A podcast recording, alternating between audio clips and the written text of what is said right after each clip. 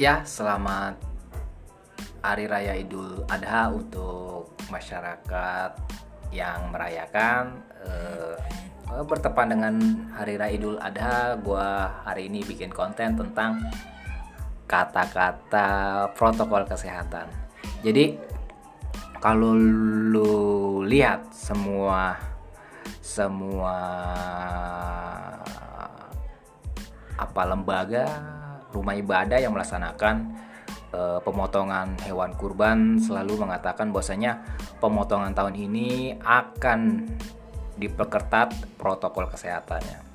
Nah, gue tertarik mengomentari ya, mengomentari terka mengomentari tentang protokol kesehatan dalam pelaksanaan pemotongan kurban pada saat uh, eh, ppkm seperti saat ini ya. Uh,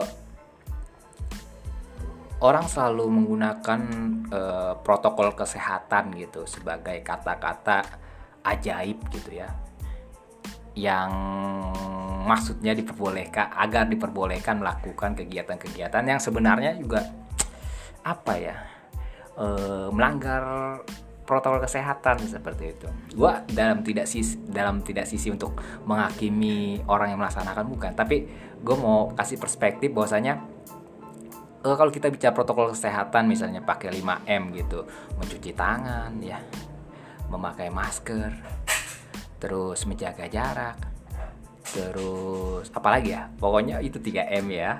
Eh, uh, ya seterusnya lah seperti itu.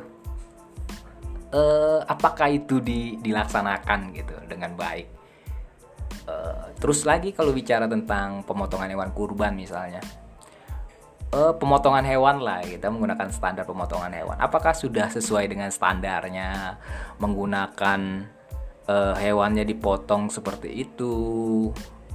Uh, kemudian ketika uh, mencacahnya seperti itu dan itu itu kan banyak juga protokol-protokol kesehatan yang perlu ditaati seperti itu tapi kan uh, kita kita anggap kita anggap ya apa ya yang tepat itu?